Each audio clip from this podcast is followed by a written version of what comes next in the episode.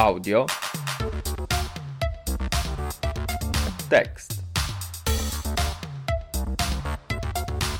Zapraszam do słuchania podcastu Audiotekst. Co się stanie, gdy gry i literatura elektroniczna spotkają się w jednym miejscu? Cóż, na pewno nie nastąpi eksplozja, ani też nikt nie ucierpi. Za to może dojść do ciekawego połączenia, które już od dawna interesuje wielu badaczy.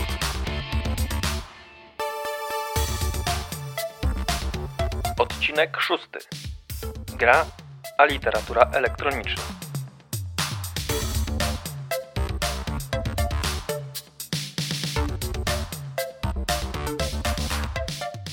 Cześć. Dzisiaj chciałbym opowiedzieć Ci o tym, jak zastosować pojęcie gra w badaniach literatury elektronicznej. Jednak grozdawcza perspektywa, z której można spojrzeć na literaturę elektroniczną, jest bardzo złożonym i wieloaspektowym zagadnieniem. Podobnie zresztą jak sama literatura elektroniczna. Dlatego istotne jest zarysowanie ram, w granicach których przedstawię niniejszy temat. Na początku przedstawię więc zestawienie definicji pojęć literatury elektronicznej, to będzie mała powtórka z poprzednich odcinków, oraz gry. Wskażę płaszczyznę, na której się spotykają, Powiem również o trzech znaczeniach pojęcia gra i krótko o dwóch stronach grywalności, jakie należy uwzględnić, przyglądając się przykładom literatury elektronicznej, które charakteryzują się grywalnością czy też zdolnością do grywalności. Perspektywę, którą wobec tego przyjmuję, należy określić mianem redukcji za Jerzym Jarzemskim, który pisał o tym, że perspektywa redukcji polega na szukaniu sytuacji spełniających ogólne warunki wymienione w definicji gry, czyli wyłonienie gry z zachowań dostrzeżenie growości czy grywalności, jakkolwiek byśmy to nazwali, w określonych praktykach. No i w moim przypadku będzie chodziło oczywiście o praktyki literackie. Ponadto sama kategoria gry zostanie tu potraktowana nie jako metafora, chociaż może się zdarzyć, że niejako do tego trochę nawiążę, lecz jako pojęcie pozwalające opisać mechanikę oraz estetykę literatury elektronicznej. Mechanikę, czyli sposób działania utworów cyfrowych obejmujących m.in. wyłanianie się lub formowanie się tekstu w trakcie lektury, interakcję użytkownika, czy to z tekstem, czy też z nośnikiem tekstu, następnie estetykę, czyli kwestie treści i formy utworów cyfrowych obejmujące m.in. układ elementów audiowizualnych, interfejs i jego komponenty. O samej literaturze elektronicznej, jej istocie i definicji można mówić powołując się na słowa Scotta Redberga jako o nieuchwytnym, ruchomym celu, w który trudno trafić. Powoduje to, że należy uznać literaturę elektroniczną za niestabilny obiekt badawczy, charakteryzujący się procesualnością, dynamicznością i nieprzewidywalnością.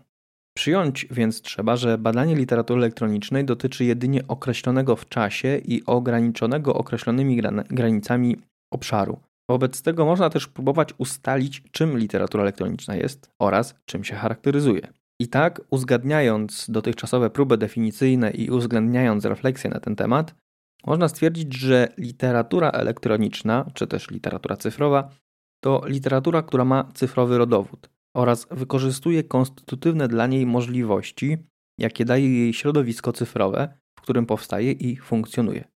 Zatem sama obecność tekstu w danym środowisku, czy funkcjonowanie poprzez dane medium, a więc także fakt powstania tam, nie determinują utworu i nie predestynują go do określenia mianem cyfrowego czy elektronicznego, ponieważ, jak zauważa Roberto Simanowski, najczęstszym nieporozumieniem przy definiowaniu literatury elektronicznej czy też cyfrowej, jak on ją nazywa, jest stwierdzenie, że każdy tekst pojawiający się w mediach cyfrowych jest literaturą cyfrową.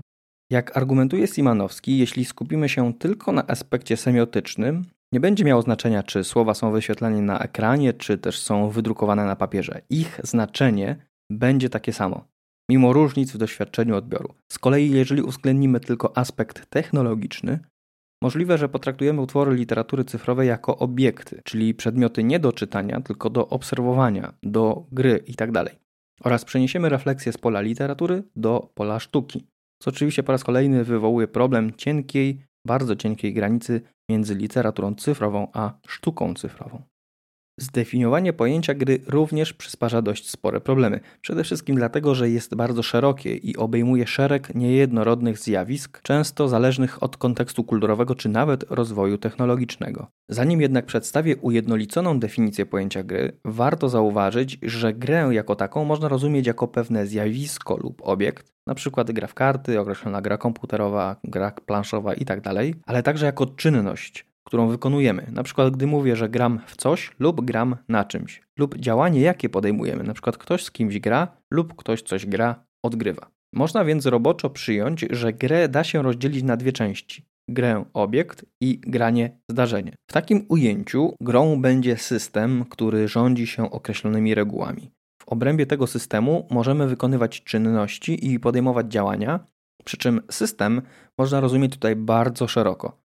Jako pewien układ, strukturę, zasób elementów, a więc także środowisko, świat i tym podobne. Z kolei granie będzie wprowadzaniem reguł w świat gry, czy też podejmowaniem różnego rodzaju działań, wchodzeniem w interakcje w atmosferze powstałego sztucznego konfliktu zmierzającym do zdobycia określonego wyniku. Wobec tak przyjętych definicji nie trudno stwierdzić, że wiele utworów, jeśli nie każdy utwór literatury elektronicznej, da się zaklasyfikować jako gra, ponieważ stanowi pewien system związany z określonymi zasadami, chociażby wynikającymi z mechaniki utworu cyfrowego, jego zakorzenienia w interfejsie, czyli zasadami wynikającymi z danego fizycznego medium, np. ekranu, komputera i tym podobnych, podczas którego użytkownik wykonuje akcje związane ze sztucznym konfliktem, jakim jest tutaj charakterystyczny dość dla utworów cyfrowych, np. opór, eklektyzm, wielowymiarowość, intermedialność, transmedialność itd. Tak z kolei swoistym wynikiem, czyli rezultatem, może być nie tyle wartość konkretna w postaci punktów, chociaż jest to możliwe, ile wartość abstrakcyjna w postaci zrozumienia tekstu, doświadczenia jego eksploracji, odczucia przyjemności płynącej samej lektury i tym podobne. Podobnie jak granice między literaturą elektroniczną a sztuką cyfrową są niezwykle cienkie, tak granice między literaturą elektroniczną a grami są równie niewyraźne.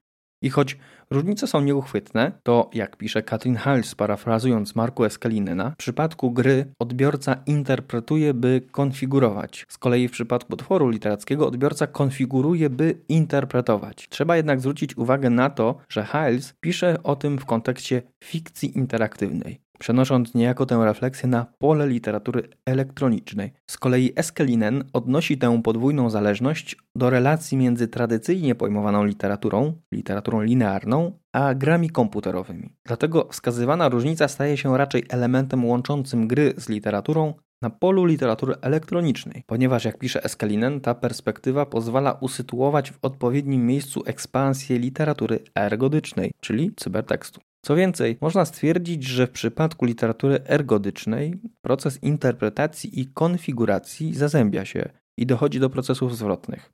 Aby interpretować, trzeba konfigurować. Z kolei, by konfigurować, trzeba interpretować. Całość zamyka się w pętli, podkreślającej dynamiczność i procesualność odbioru utworu cyfrowego. Działanie nie jest więc jednokierunkowe, zamknięte i skończone, tylko wielokierunkowe, otwarte i nieskończone, chociaż ograniczone, charakterystyczne dla sieci, a procesy interpretacji i konfiguracji stają się procesami reinterpretacji i rekonfiguracji. Zdaję sobie sprawę, że nie odpowiedziałem jeszcze na najważniejsze pytania, które mogą się pojawić, a mianowicie czego konkretnie dotyczy ta groznawcza perspektywa, z której można spojrzeć na literaturę elektroniczną oraz jak zastosować pojęcie gra do badań literatury elektronicznej. Na początku wspomniałem o trzech znaczeniach pojęcia gra.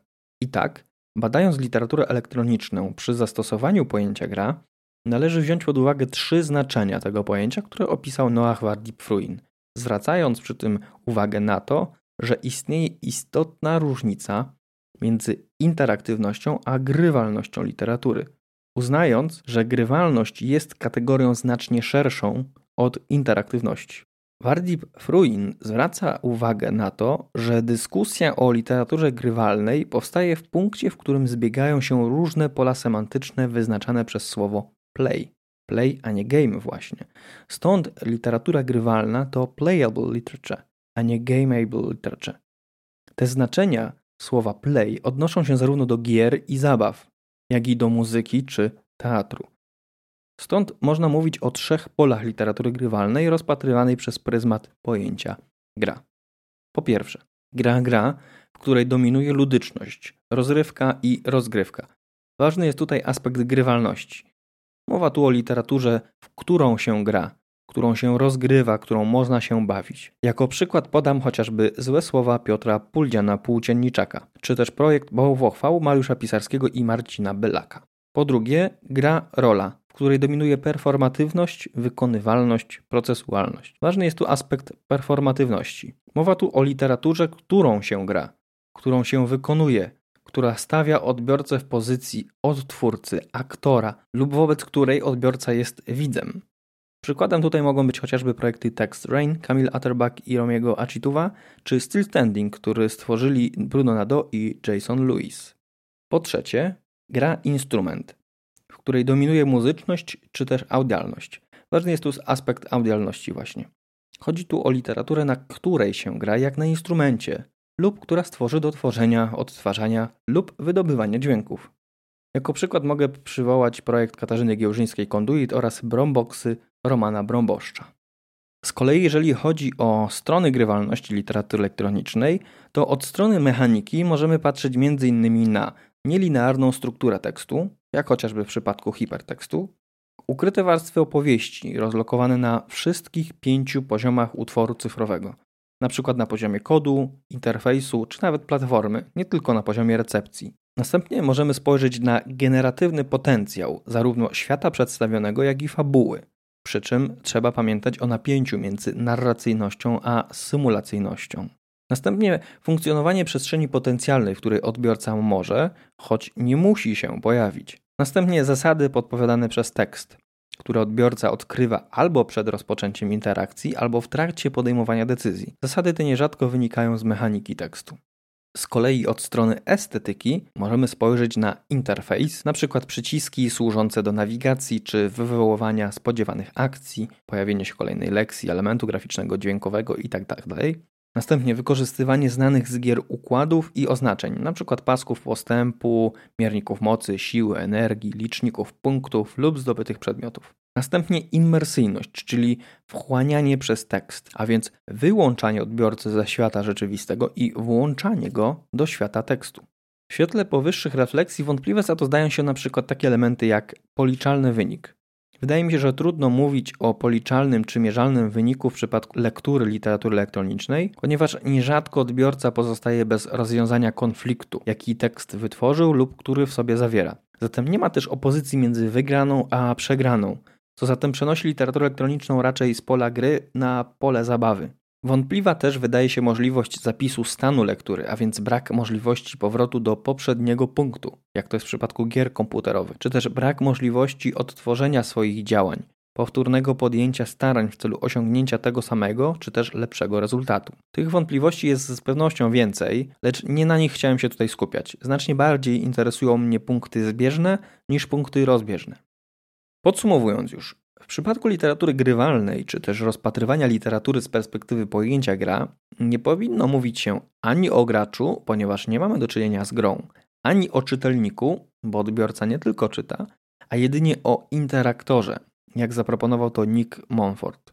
Jak gra wymaga od gracza rozegrania, aby w pełni mogła zaistnieć i objawić się graczowi, tak samo utwór cyfrowy wymusza na interaktorze wejście w interakcję z tekstem, ponieważ tylko wtedy możliwy jest nie tyle sam akt lektury, ale zaistnienie tego tekstu w pełnym spektrum jego możliwości. Zatem, aby zastosować pojęcie gra w badaniach literatury elektronicznej, tutaj już to podaję w bardzo dużym uproszczeniu, należy uwzględnić wymienione wcześniej trzy znaczenia tego pojęcia oraz rozpatrzyć grywalność literatury w odniesieniu do zasygnalizowanych na początku stron różnego rodzaju gier, a więc mechaniki oraz estetyki. To sprawia, że literatura sama w sobie i jej szczególne pole, jakim jest literatura elektroniczna, z jednej strony może znaleźć się na zupełnie innym poziomie recepcji, czyli odbioru, a z drugiej strony stwarza możliwości zastosowania innych perspektyw metodologicznych, jaką jest chociażby groznawstwo. Dziękuję Ci bardzo serdecznie za słuchanie tego odcinku podcastu. Mam nadzieję, że Ci się podobało, mimo tego, że ten odcinek miał troszeczkę bardziej naukowy charakter, to znaczy pojawiło się w nim dużo niezrozumiałych być może słów. Jednak ten materiał jest akurat wynikiem pobocznym, troszeczkę efektem ubocznym moich e, działań, mojej pracy na uczelni, więc stąd taki charakter, ale mam nadzieję, że mimo to spodobało Ci się i zmotywowało Cię to do tego, żeby samodzielnie też poszukać pewnych informacji na ten temat, mogę już w tej chwili właściwie zapowiedzieć, że kolejny odcinek podcastu będzie dotyczył jednego z przykładów, który przywołałem w tym odcinku. Zatem słyszymy się już wkrótce. Do usłyszenia i cześć!